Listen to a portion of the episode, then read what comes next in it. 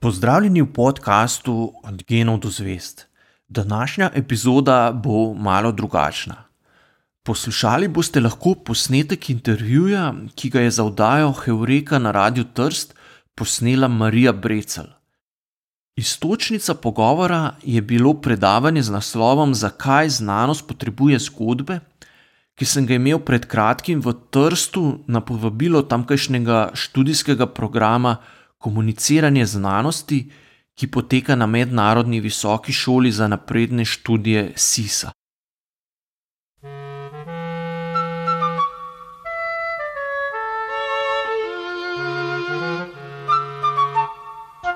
Heureka.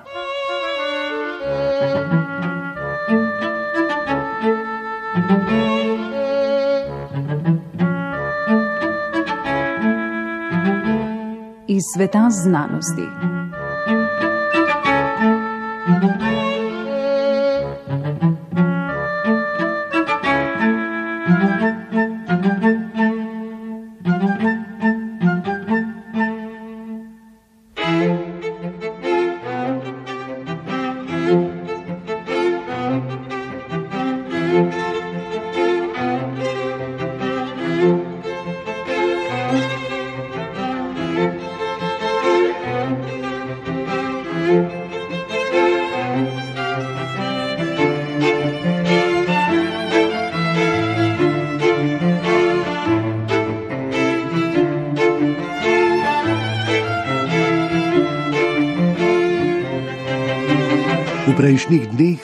Trstu potekala srečanja iz Niza Šenca in Virgora, ki ga vsako leto prireja master za popularizacijo znanosti Mednarodne visoke šole za napredne študije SISA.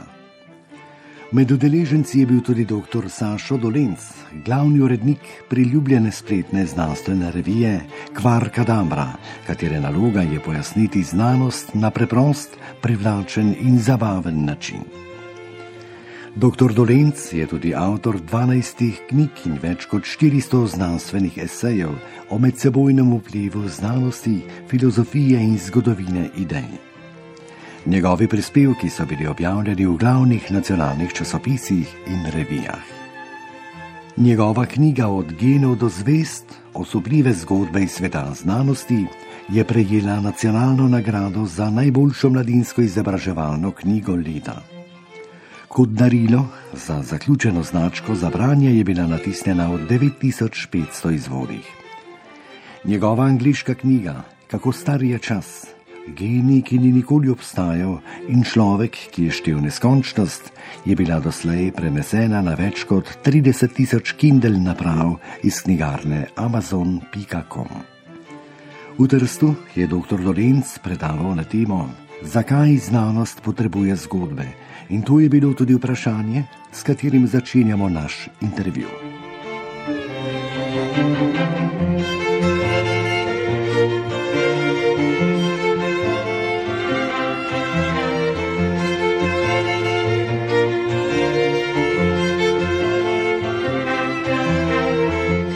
Ja, običajno, ko se sprašujemo o tem, zakaj znanost potrebuje zgodbe, mislimo, da jih potrebuje predvsem zato, da komunicira svoja dognanja s širšo javnostjo. Ne. To je pač v demokratični družbi zelo pomembno, zato ker imajo ljudje zares veliko moč ne, in morajo biti nekako obveščeni o dogajanju tudi v znanosti, ker zares sprejemajo pomembne odločitve. Ne. To najbolj vidimo recimo pri cepljenju ali pa pri podnebnih spremembah.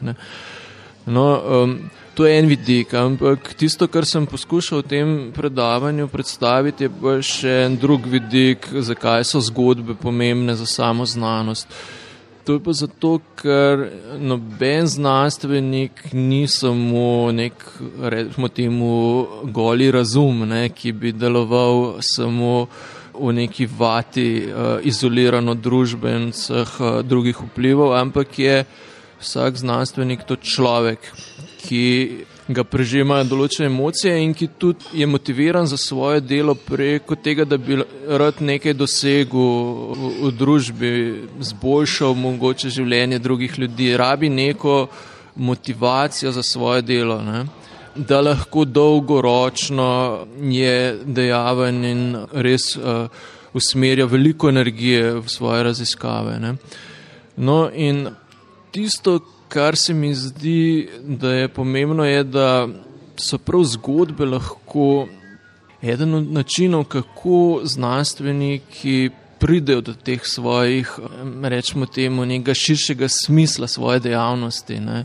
da svoje delo dojamejo kot del neke zgodbe, kako pomagajo drugim ljudem, človeštvu do nekih, rečemo, teh pomembnih ciljev. Ne? Morda bi lahko to posplošili v gotovitev, da ljudje potrebujemo zgodbe. Ja, seveda, seveda. Vsakdo rabi nek smisel. Ne? In zgodbe so ponovadi tisto, kar povezuje emocije z nekim uh, razumskim potekom dogodkov. Ne? In um, vsak človek potrebuje nek način, kako se no, vedno znova motivira za težke preizkušnje. In v znanosti je to zelo podobno kot kjerkoli druge. Ne. Ti eh, ponavadi, če se lotiš nekega projekta, je običajno več let traja, da prideš do prvih rezultatov, ki so morda um, taki, da jih lahko pokažeš tudi drugim. Ne. In vse ta čas se moraš najti neko notranjo motivacijo za, za delo in zgolj to, da si ti del nekega pogona, ne, znanstvenega, se je izkazalo zadnje čase, da ni dovolj. Ne. Predvsem mladi imajo velike težave, ko delajo uh, doktorate, postdoke za katere se zdi, da so raziskave nekako same sebi namen, da ne, ne, ne kupijo z dušo in telesom uh, tega, kar počnejo, in to se pozna potem na njihovem psihičnem stanju in tudi zdravju. Ne? In zadnje raziskave kažejo, da, da je anksioznost med mladimi znanstveniki bistveno večja kot v splošni populaciji. Ne? In glede tega bo treba verjetno nekaj narediti. In tu se dodaja zgodba o tako imenovanih nepotrebnih službenih mestih oziroma o službah, ki so same sebi namen. Ja, pred nekaj leti je en ameriški uh, antropolog uh, objavil zelo zanimiv esej, ki ga je naslovil o boljši jobs, ne, o nesmiselnih delovnih mestih, ki so same sebi namen. In je postal njega je presenetilo, koliko je postal popularen, koliko ljudi se je identificiralo s tem, da hodijo v službo zgolj zato, da ustvarjajo vtis, da nekaj počnejo ne, in da ta vtis širijo tudi na svojega šefa in na druge, zares pa ne delajo nič tazga, kar bi bilo za družbo ali pa za druge pomembno in tudi družba ne bi bila nič na slabšem, če teh delovnih mest ne bi bilo. In to niso neka delovna mesta, ki so slabo plačana, ampak ponavadi delovna mesta, ki so dobro plačane, ki upravljajo zelo kvalificirani ljudje, ki pa so res, um, rečemo temu, nimajo nekega globega smisla. Ne? In potem je, se, ko je objavil ta esej, se je na njo sula ploha, imel sporočil iz celega sveta, kjer so mu ljudje sporočali razne zgodbe, kaj vse počnejo in kako trpijo v svojih službah, ki so sicer res dobro plačane, ampak marsikdo je potem šel raj na slabše plačano delovno mesto, ker ni več zdržal tega, da počne stvari, ki nimajo smisla. Ne? Potem je iz tega napisal neko kar daljšo knjigo, ki je šla lansko leto in je zdaj tak mednarodni bestseller. Lahko se zgodi pravzaprav oboje, ali da se ti zdi tvoje oziroma delo koga drugega nesmiselno, v resnici pa le ne znaš v njem najti smisla, lahko pa je neka služba v resnici sama sebi namen. No, tisto, kar sem nekako eh, poskušal povedati na tem predavanju, je, da, da se velikrat pokrije to, da znaš povedati neko zgodbo o svojem delu, s tem, da ima tvoje delo nek smisel. Ne? In uh, isto velja tudi za raziskave, za, za znanost. Ne? Če zna znanstvenik enostavno povedati, kaj počne in kakšen smisel ima to, kar počne, uh, Pa tem ne mislim, da je tisto mora biti nujno uporabno. Ne. Važno je, da ima nek smisel. Ne. In uh, v takem primeru je potem tudi on sam ponovadi, ali pa ona, ne, zadovoljen s svojim delom in tudi lahko ga upravlja dolg časa, kar je seveda pomembno, da kaj odkrije. Seveda ni nujno, da je sam znanstvenik sposoben povedati svojo zgodbo, jo pa zna nakazati. In tu nastopi neke vrste posrednik, ki ima dovolj znanja, da razume delo, ki ga znanstvenik opravlja. Po drugi strani pa zna posredovati to tudi javnosti. Ja, to, seveda se tudi eh, znotraj tega področja znanstvene komunikacije zdaj vzpostavlja kot neke vrste stroka, ki omogoča, da znanost bolj učinkovito komunicira med seboj, ne, različne vede in z širšo družbo. Ne, oboje je zelo pomembno da se pač ne pride do tega zapiranja v zelo oske kroge. Ne. In tukaj se je vzpostavilo kar veliko novih pobud in tudi študijev. Tukaj v, v Trstu imate zelo pač, zanimiv študij, master znanstvene komunikacije, česar v Sloveniji še nimamo, mi bi bilo sigurno zelo koristno, da bi tudi uh, začeli s tem. Zgodbe so zanimive in pomembne tudi zaradi tega, ker gre zdaj napredek znanosti v veliko specializacijo. Tudi med temi mikropodročji je potrebno sodelovanja, saj le tako pride do razvoja. Ja, seveda, um, to je velik problem, zato ker uh, se res uh, raziskave tako specializirajo, da se tudi znanstveniki znotraj iste vede ne razumejo več med seboj, ne, ne, ne, niso več sposobni brati um, teh primarnih znanstvenih uh, tekstov uh, en od drugega. Uh, tako da že zaradi tega je to, da se vsak strokovnjak trudi tudi svoje raziskave predstaviti na način, da ga lahko razumejo drugi znanstveniki in širša javnost. Ne. Zato je to bolj pomembno, ker to koristi uh, pretoku idej, ne, pač zmeri se nove ideje, se rojevajo že iz starih idej. Ne, če, če ni pretoka idej, se potem teže rojevajo nove dobre ideje. Ne, tako da z, z tega vidika je to pomembno in seveda zaradi tega, ker. Tudi širša javnost rabi pač, znanje, da se lahko v demokratični družbi pravilno in dobro odloča. Dogaja se tudi, da znanstveniki, morda celo v dobri veri, zagovarjajo stališča, ki so si v nasprotju. Naprimer, v teh dneh je veliko govora o podnebnih spremembah in odgovornosti človeka glede tega. Ampak do nedavnega so nekateri znanstveniki bili prepričani, da gre le za naravne pojave, take, kot so se pred milijoni let dogajali na našem planetu. Ja, seveda. Eh, včasih pride do napačnih interpretacij, zaradi tega, ker v znanosti je vseeno drugače. Ne se ceni to, da ti vsako stališče poskušaš pokazati, da je morda v argumentaciji določena napaka, ker znanost tako napreduje, ne, da res temeljito preuči vsako stvar. Ne.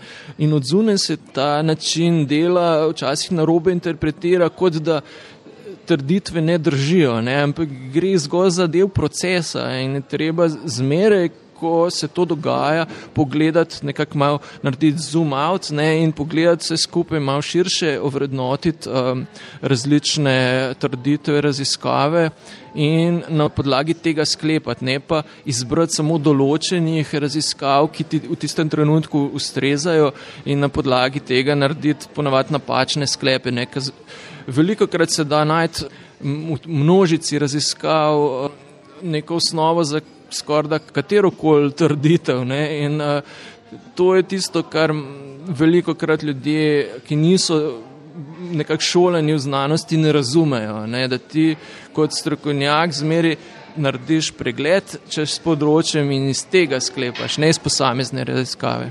V tem našem času, ko se vse dogaja hitro, na silo, torej tudi znanstveniki občutijo pritisk, kar lahko privede do preuranjenih zaključkov.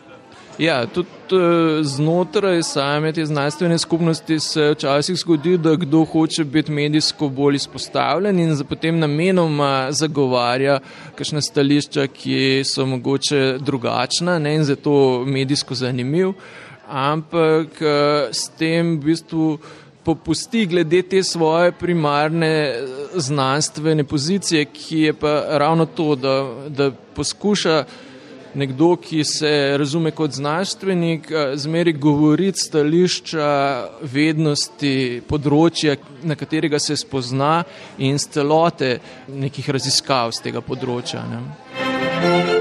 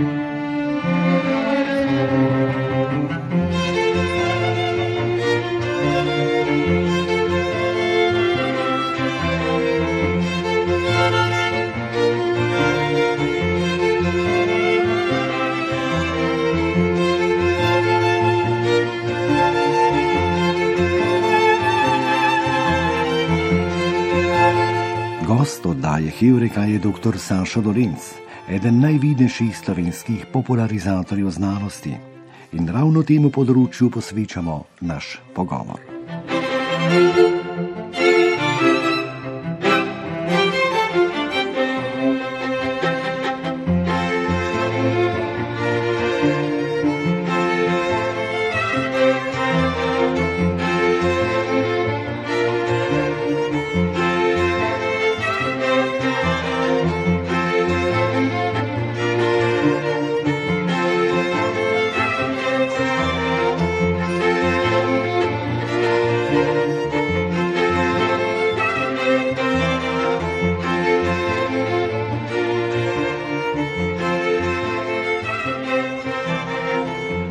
Zdaj pa bi vas, dr. Dolenc, prosila, da nam poveste, katero zanimivo zgodbo, morda iz preteklosti, v katero so včasih upletene tudi zelo znane osebnosti.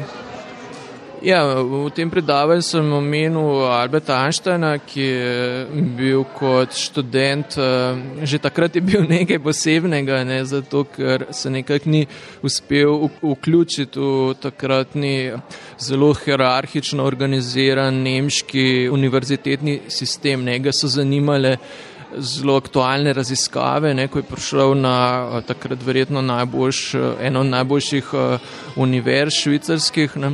In mu je bilo dolg čas, ker je moral uh, se učiti stvari, ki jih je že vedel. In je potem raje stal doma in bral zadnje raziskave ne, in hodil v bližnjo kavarno in si tam sam organiziral študij. In, ampak profesori so to napačno interpretirali, kot da je len in da si želi čim bolj enostavno priti do diplome. Zato so mu potem škodovali. Ne, in prav zaradi tega dolgo časa je dobil potem slabše ocene na diplomskem izpitu in dolgo časa ni mogel dobiti akademske službe. Ampak na koncu se je za en vseeno vse skupaj kar dobro išlo. Ne. Vse se je šlo dobro in v teh dneh so nekako njegovo teorijo potrdili, saj so objavili sliko črne luknje. Ja, to pa je res velik dosežek, da je človeštvo sposobno stvariti, narediti z veliko dela, ne, z ogromno podatki, sliko, ki je primerljiva, če sem prav razumel, kot da bi kovanec slikal iz Evrope v New Yorku. Ne. To je, to je res fenomenalno. Z človeškega vidika je bila posebno pretresljiva zgodba znanega matematika, ki ste jo predstavili v Trstu. Ja, omenil sem še um, enega kar pomembnih matematikov 20. stoletja, ki pa je zgubil, um, bil pač nagrajen z vsemi temi najvišjimi nagradami v ranku Nobelove nagrade za matematiko.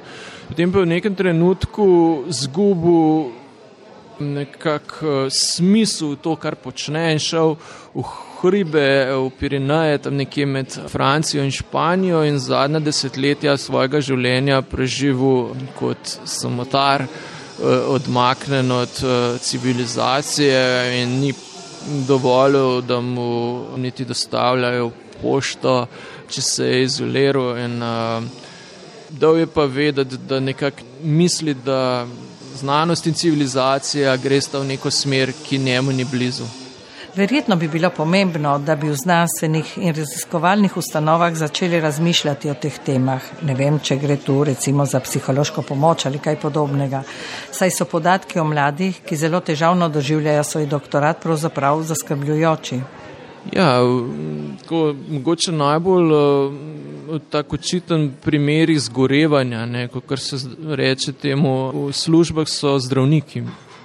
In ko so delali raziskavo, zakaj pride kar naenkrat do izgorevanja pri zdravnikih, čeprav delajo veliko že pač vse skozi, ne? kaj se je zdaj spremenilo.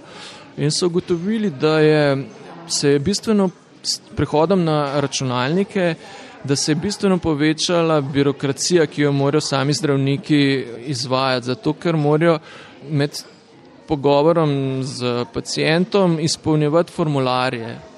In se potem včasih že tako, da, da morajo vse čas gledati v računalnik, sploh ni več osebnega kontakta s pacijentom in marsikaj je treba izbrati, recimo, sploh ni tako, da bi lahko diagnozo napisal svojimi besedami, ampak mora izbrati že prej izbrane možnosti ne? in na ta način imajo bistveno več dela za slabši končni rezultat ne? in v tem ne vidijo smisla in to med drugim povzroča izgorevanje. Ker izgorevanje ni samo preobilica dela, ampak preobilica dela, v katerem človek ne vidi smisla. Ne? Ker če, če ti veliko delaš in te potencijalni cilj, v katerega prihajaš, navdaja z zadovoljstvom, potem brez težav to zdržiš. Ne? Če pa ne vidiš nekega končnega rezultata, ki bi te navdajal z veseljem, potem pa pride do izgorevanja. Ne? In podobno se dogaja tudi pri mladih znanstvenikih, ki so podvrženi temu res hudemu konkurenčnemu boju, da pač uh, spejo najboljši, ne? ampak to je veliko krat tudi posledica na ključi in uh, samo promocije in marsičesa drugega kot kvalitete samega raziskovalnega dela. Ne? Tako da tukaj neko okolje, ki vodi do izgorevanja in do teh psihičnih problemov in tega se bo morala znanstvena skupnost praslej zelo intenzivno lotiti. Vam je, doktor Dolenc, znano, če se kdo v svetu s tem resno ukvarja?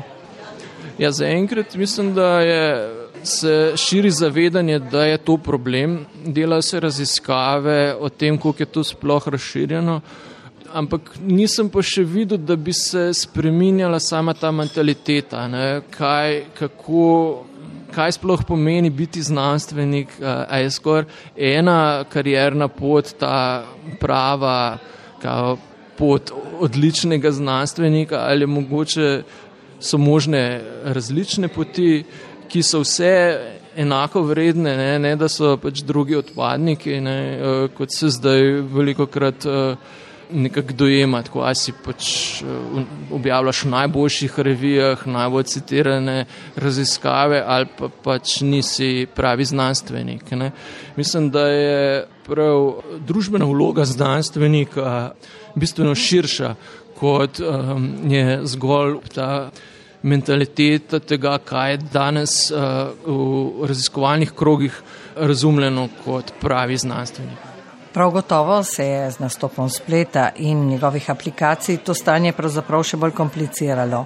Vsi znanstveniki so naprimer skoraj da obsedeni z Google citati in podobnimi bazami, v katerih so zbrani navedki iz njihovih del.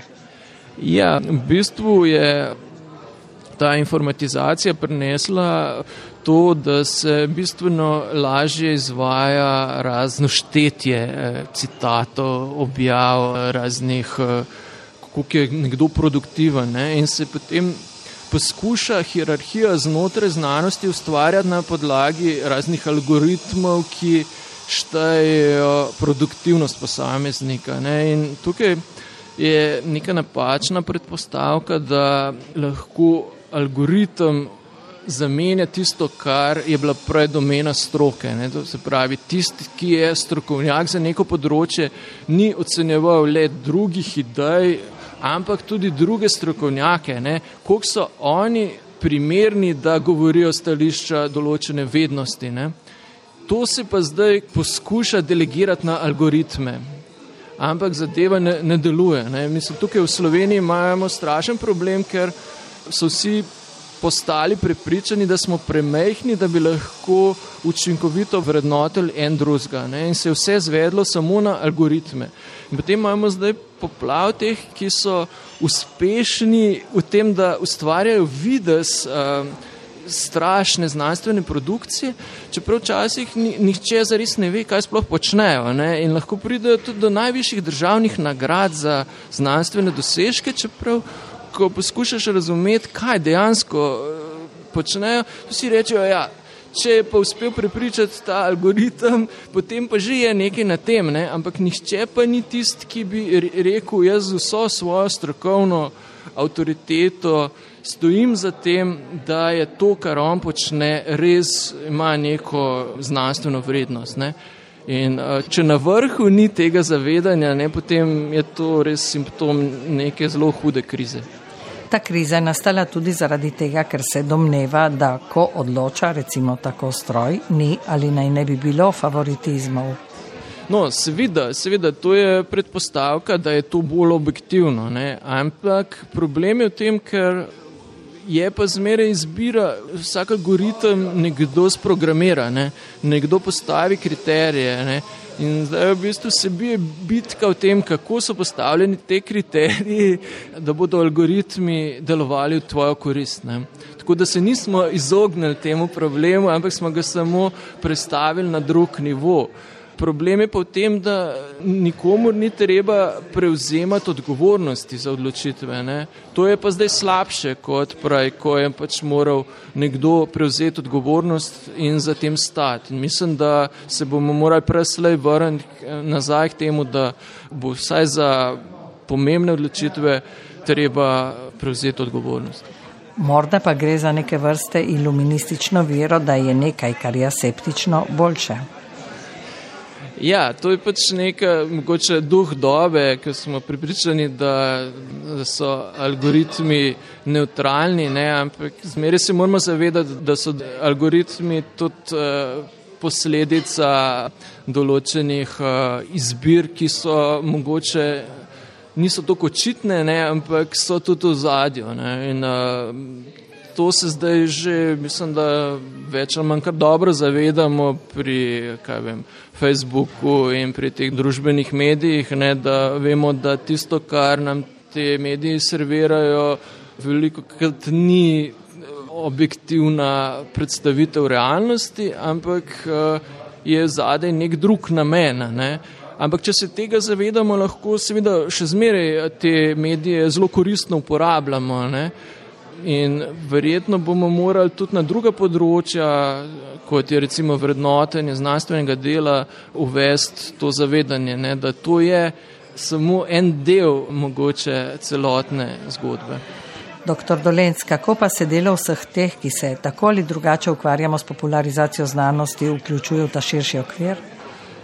Ja, mislim, da po svetu so v okoljih, kjer tudi ta akademska sfera se že uh, bolj zavedla tega problema, so že našli načine, kako se raziskovalci, znanstveniki in tudi novinarji ne, vključujejo v, v ta sklop. Pri nas mislim, da smo, vsaj v Sloveniji, imamo zelo pestro dogajanje na tem področju. Marsikaj se je zgodilo v zadnjih 20 letih ampak hkrati pa nimamo tega, da bi se komuniciranje znanosti priznalo kot stroka. Ne. To se pravi, je še zmeraj to dojeto kot neka popodanska dejavnost uh, tistih, ki imajo neko drugo osnovno dejavnost. Ne. Ampak res kvalitetno se tega ne da dela, če nisi povsem v to upet. In to pač recimo angliško govoreče območja, predvsem Anglija, ne, to že kar več desetletij nazaj spoznala ne, in je uh, Richard Dawkins, biolog, je bil recimo tako prvi, mislim, da ki je na Oxfordu postal prav profesor javnega razumevanja znanosti. Ne. Zdaj imajo teh pozicij že zelo veliko in um, je kar veliko takih uh, medijsko izpostavljenih uh, znanstvenikov razumljeno kot neke vrste vez med tema dvema področjama oziroma so strokovnjaki za to neko novo akademsko področje. Ne. Pri nas zaenkrat uh, glede tega ni posluha. Ne. Pobude so, da bi se to eh, začelo drugače obravnavati, ampak znotraj znanstvene in akademske skupnosti ni posluha.